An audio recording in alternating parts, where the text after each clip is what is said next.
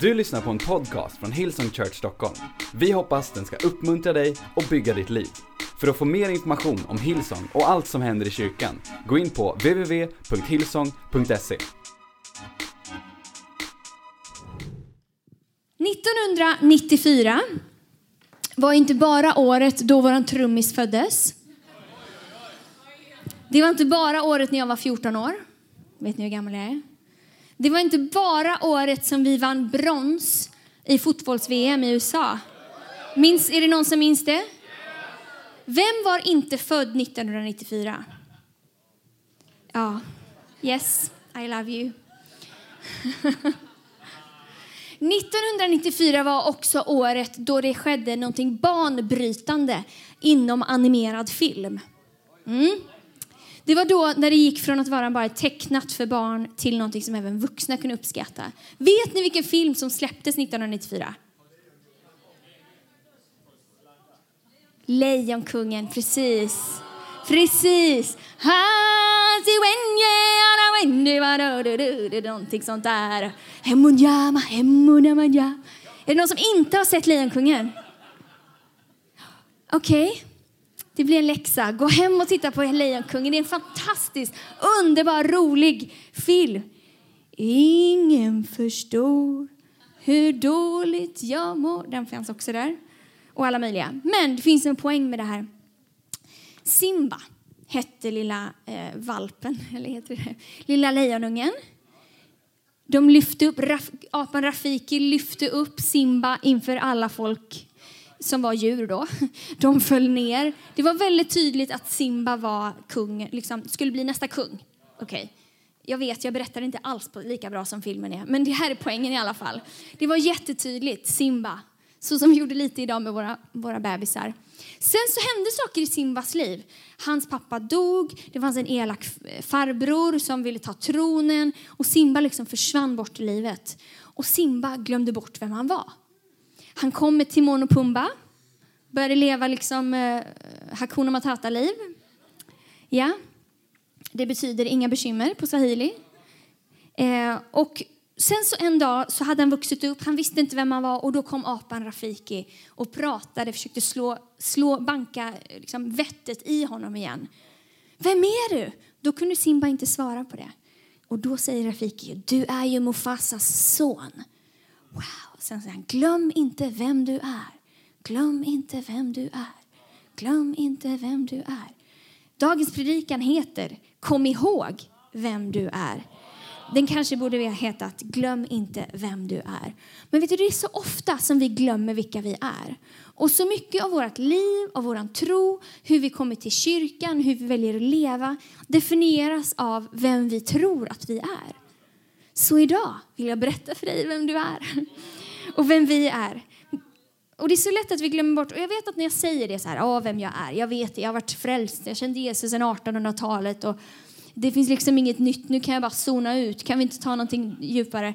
Nej min vän, vakna, hallå, det finns någonting för dig idag också.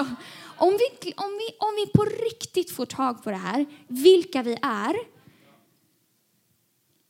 om vi på riktigt får tag i vilka vi är, då skulle våra liv se annorlunda ut. Så här är min utmaning idag. Vet ni vad du är? Nummer ett, du är Guds älskade barn. Stäng inte av. Jesus älskar alla barnen.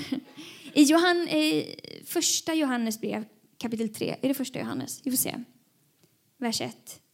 Så står det, se vilken kärlek Fadern har skänkt oss, att vi får kallas Guds barn. Och det är vi också. Har vi några föräldrar i huset? Ja.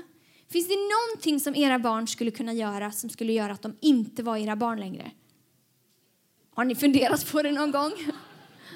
Nej, ingenting, eller hur? Det spelar ingen roll vad de, vad de gör, vad de säger, hur de beter sig, vart de reser. De kommer alltid vara dina barn och du kommer alltid älska dem, eller hur? Det är, på no det är så det funkar. Precis så är det med Gud också. Bara redan idag vill jag säga det på en gång. Det spelar ingen roll vad du har gjort i veckan. Det spelar ingen roll om du känner att du har misslyckats. Det spelar ingen roll. Du är fortfarande Guds älskade, älskade, älskade barn. Så, bara en liten snabb lektion. Liten college här. Vad Gud har gjort för oss. Vi är räddade. vi är älskade, vi är fria och rättfärdiggjorda. Rättfärdiggjorda. Se om det finns på autospel. Så vi är räddade. I Kolosserbrevet kapitel 1, vers 13 så står det att han har frälst oss från mörkrets välde och fört oss in i sin älskade sons rike. Vad betyder det? Jo, men Gud har räddat dig. Men mänskligheten har från början valt bort Gud. Så därför behöver vi välja honom igen. Och han valde att rädda dig från livet utan honom. Han valde att rädda dig från dina egna svagheter. Han valde att rädda dig från mörker till ljus. Han valde att rädda dig från din oro. Han har räddat dig. Han har gjort det. Han har dragit upp dig ur fördärvets grop, eller vad står det? Sen är vi älskade. I Romarbrevet kapitel 5, vers 8 så står det att men Gud bevisar sin kärlek till oss genom att Kristus dog för oss medan vi ändå var, ännu var syndare. Han har dött för dig. Han älskar dig så mycket. Det var någon som sa att en fågel är gjord för att skapad att flyga.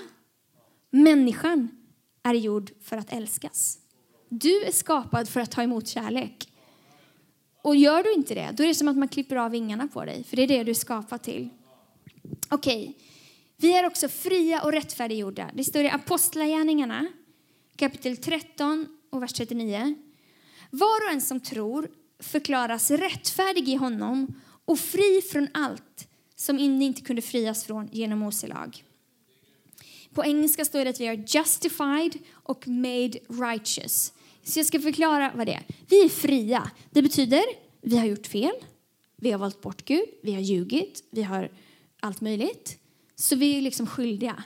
Men det Jesus gjorde var han sa, eller Gud själv, Jesus Gud, sa du är fri. Jag vet att du har gjort fel, men du är fri. Skönt. En mördare liksom är i rätten får komma fri. Men alla vet att den personen är ju egentligen en brottsling, eller hur?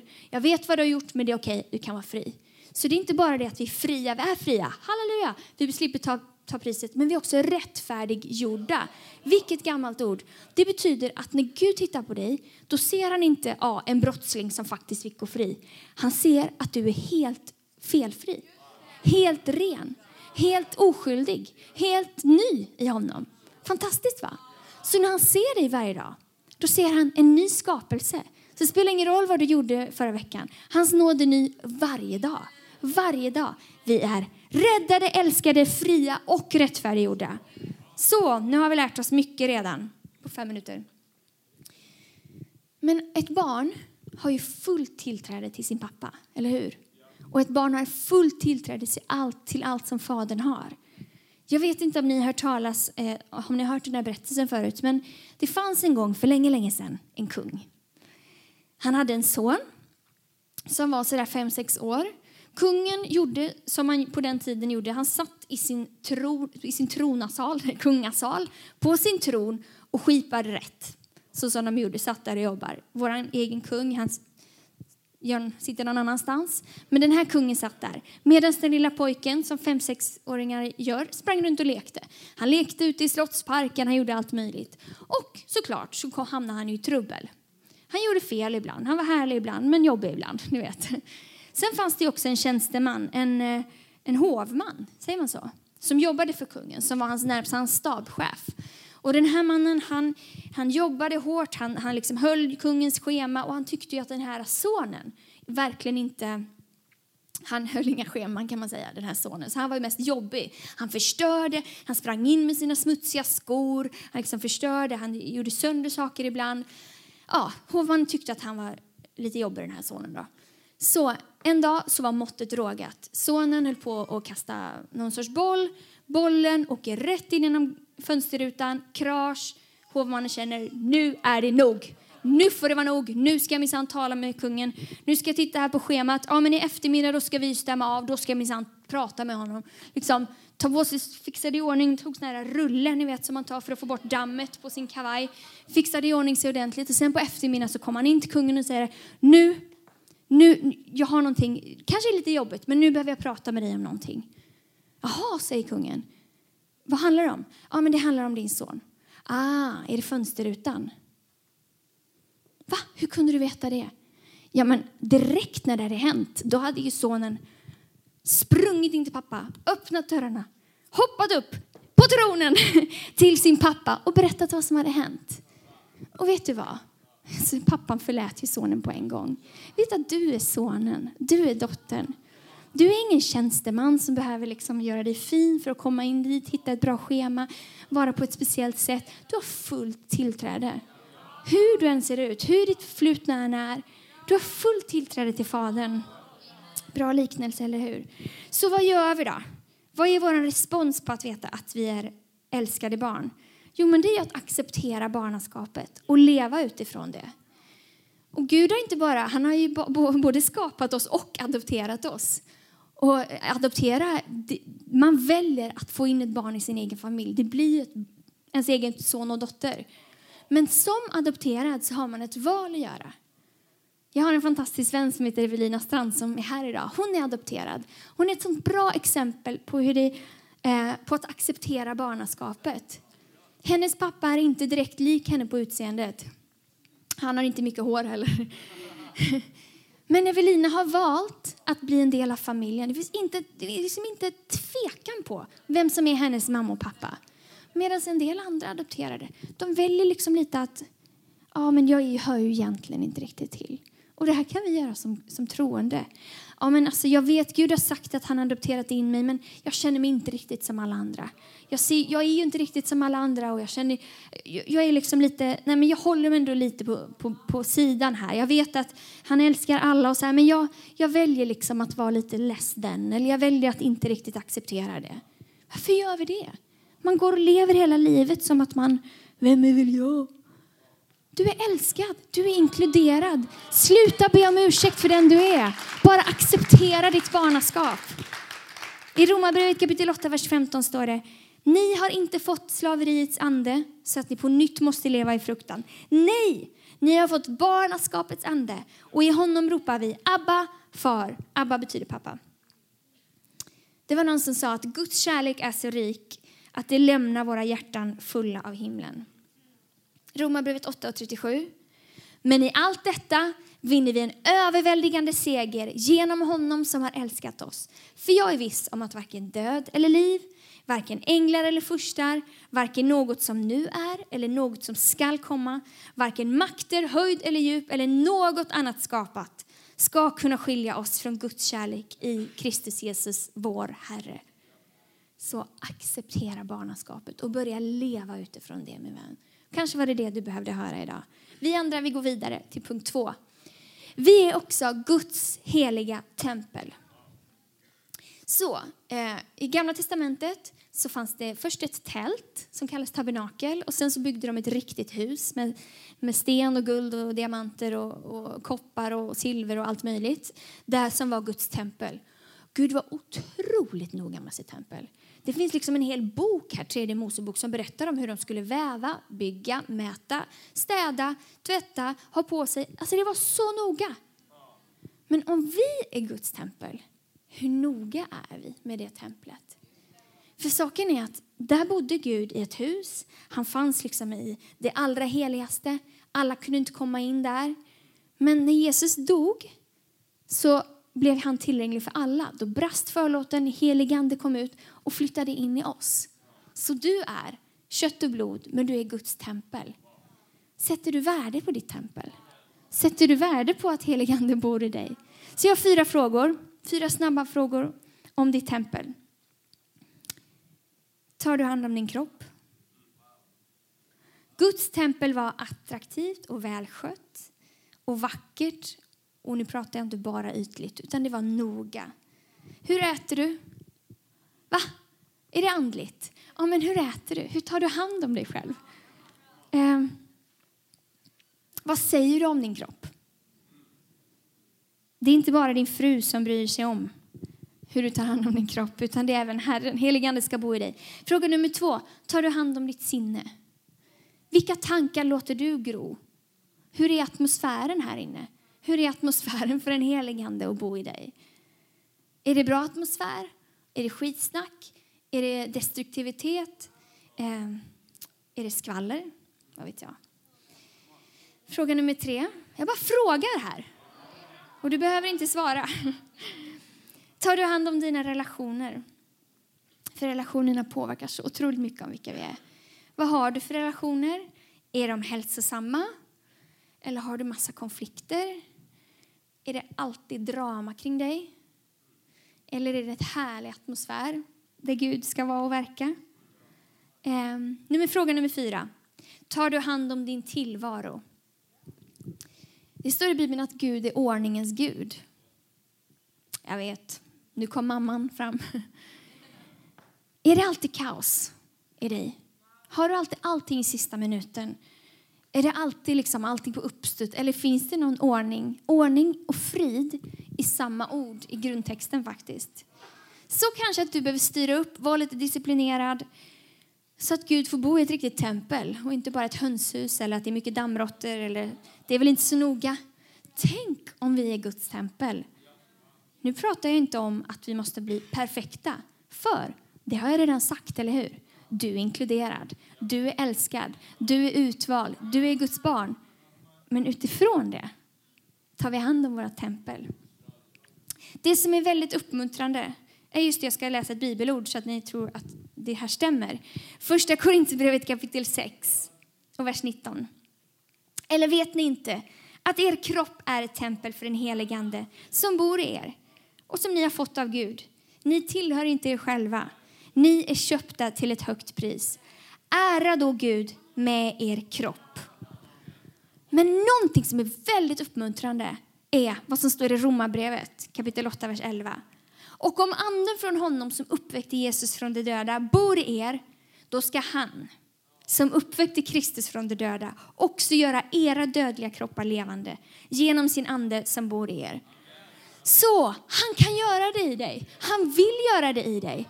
Men frågan är, ger du honom utrymme att göra det i dig? Han vill det. Det står också i Johannes kapitel 7, vers 38.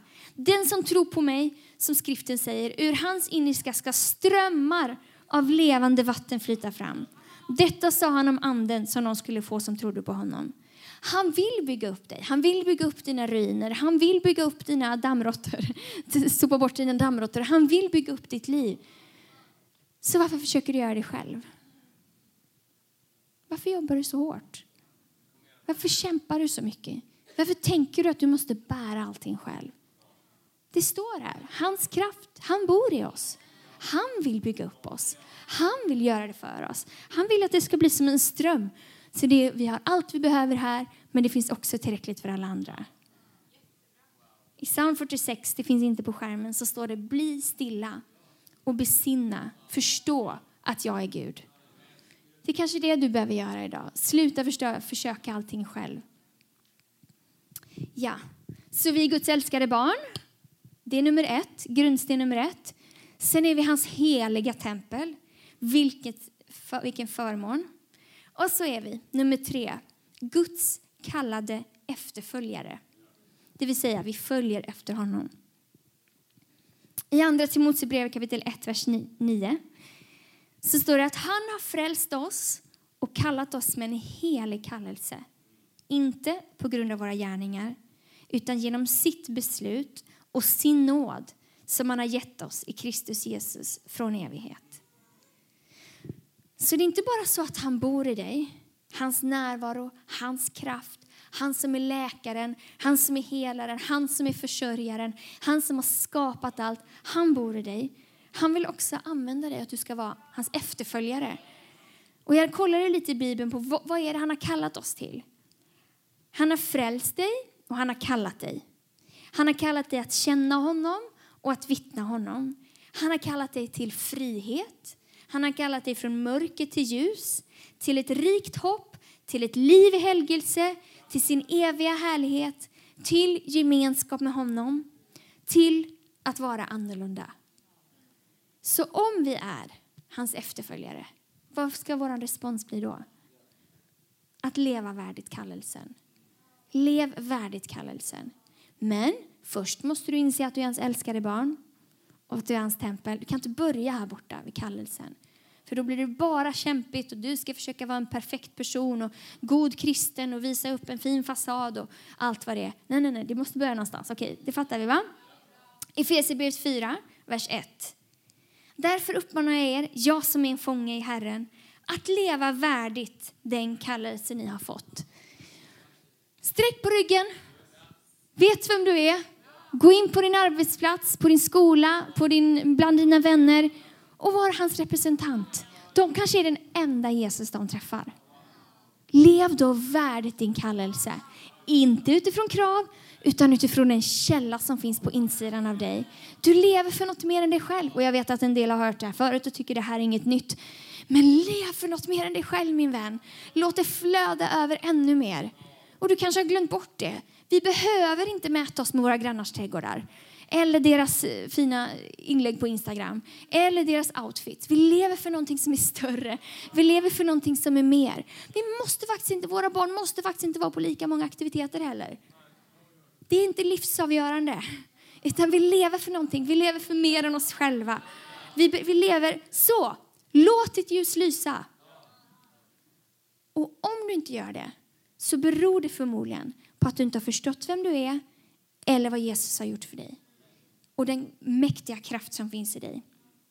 I Matteus kapitel 5 har vi ett favoritbibelord i The Message.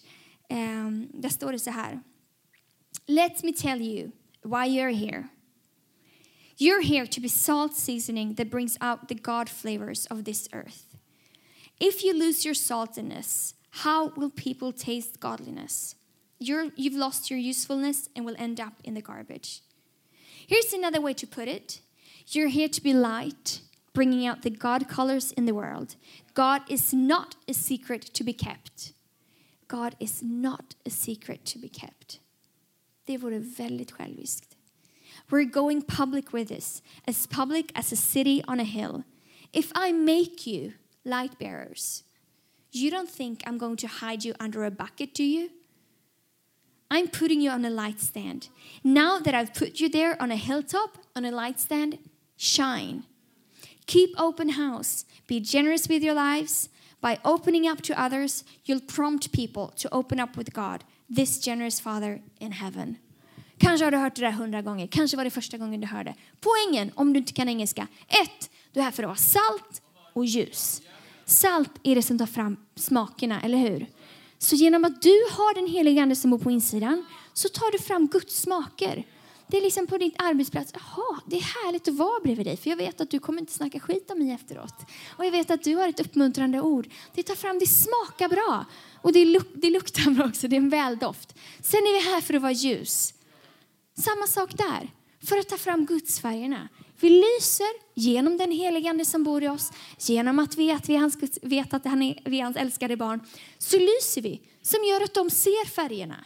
Man kan säga att människor lever i svartvitt. De ser inte, de vet inget annat. För de har aldrig fått Guds ljus som har lyst på det. Men att ha Gud och hans ljus som lyser, då är det som att man ser alla färger. Hopplöshet blir hopp. Oro blir eh, frid. Eh, ensamhet blir gemenskap. Så lys min vän. Hur gör man det? Ja, men det som är härligt med en lampa. I've made you light bearer, säger han. Jag har gjort er till lampor. Det betyder inte att du säger, jag måste lysa. Jag måste lysa! Ah! Den lilla glödlampan som bara försöker kämpa. Nej, men så om bara glödlampan är kopplad till den där sladden och den där kraften och den där källan, då är det boom, då lyser den bara. Så det, behöver inte, det är inte så krångligt. Bara se till att du är kopplad till källan så kommer det lysa. Gräv inte ner det. Säg, vi ska inte gömma oss under en hink. Göm dig inte min vän. Det du har, det Gud har gjort i dig, det du har på insidan, det är tillräckligt. Det är tillräckligt. Gud har utvalt dig att följa honom och att vittna om honom. Så vad kan du göra med det här? Hur kan du applicera detta i veckan? Jag kom på 14 grejer. Så jag ska bara läsa snabbt så jag fattar att ni får, ni, och det finns hur många som helst. Jag bara tog så här, top of mind. Vad kan jag göra? För ibland så vill man säga, åh, oh, awesome, kanon. Var ska jag börja någonstans? Okej, okay. ett, sluta se ner på dig själv. Så du kanske inte hinner skriva det här, men skriv det som du känner, det här ska jag göra. Två, sluta diskvalificera dig själv. Till att be, till att komma till Gud och till att vara använd av honom. Sluta diskvalificera dig själv. Du är älskad, du är utvald, han vill använda dig. Nummer tre, acceptera den nåd som Gud ger dig. Oavsett vad du har gjort. Han har förlåtit dig. Du måste förlåta dig själv. Du måste förlåta dig själv och tro att han vill använda dig. Okej. Okay. Och att han vill älska dig och vara med dig och så vidare. Nummer fyra, börja värdesätta templet och ta hand om det. Ja. Nummer fem, städa upp lite i ditt liv. Kanske från oro, kanske från bitterhet, kanske från oförlåtelse, kanske från negativt inflöde. Kanske ta en paus från Facebook i resten av ditt liv.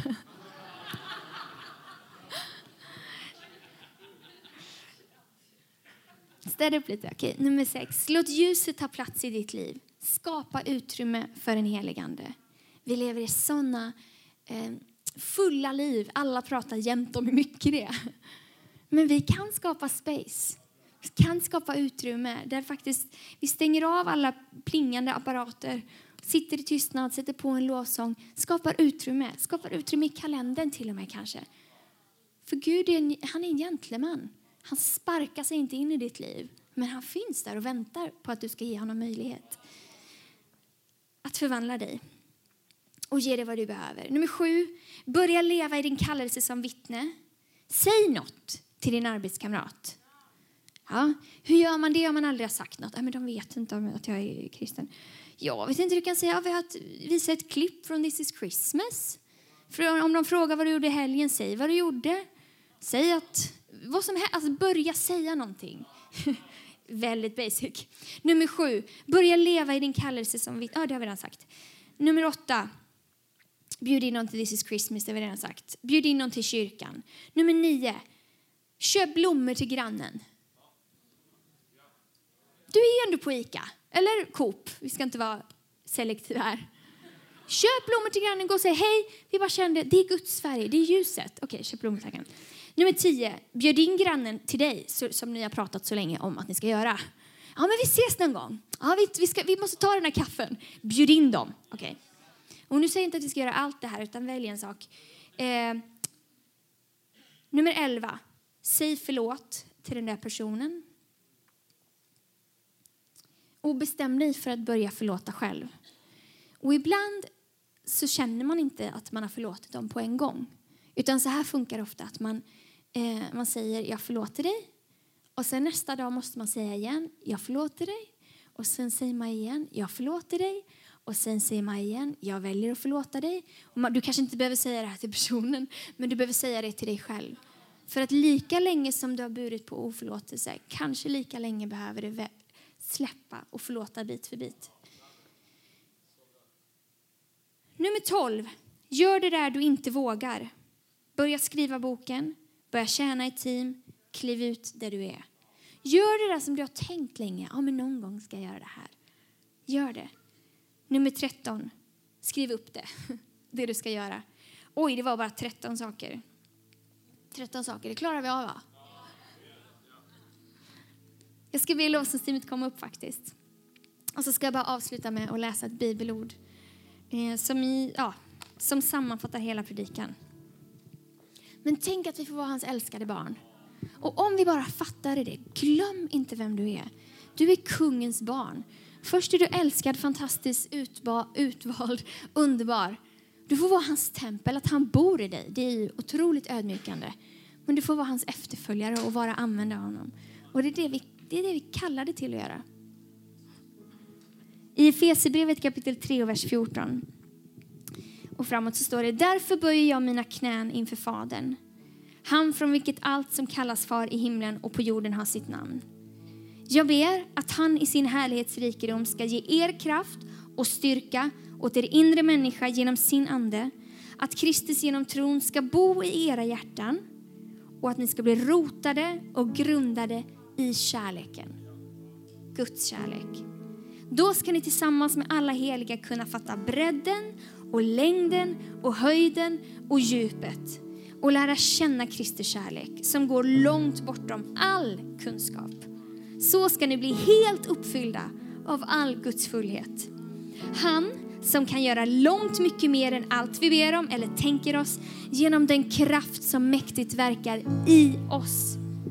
Hans är äran i församlingen och i Kristus Jesus genom alla generationer i evigheters evighet.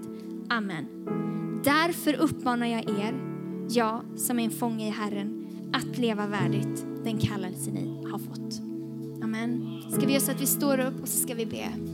Herre, jag tackar dig för den du är, Herre. Jag tackar dig för att den du är definierar vem vi är. Jag tackar dig, Herre, för att du är stor. Jag tackar dig för att du är god. Du har lyssnat till en podcast från Hillsong Church Stockholm. Om du vill veta mer om vår kyrka eller om våra söndagsmöten, surfa in på www.hillsong.se.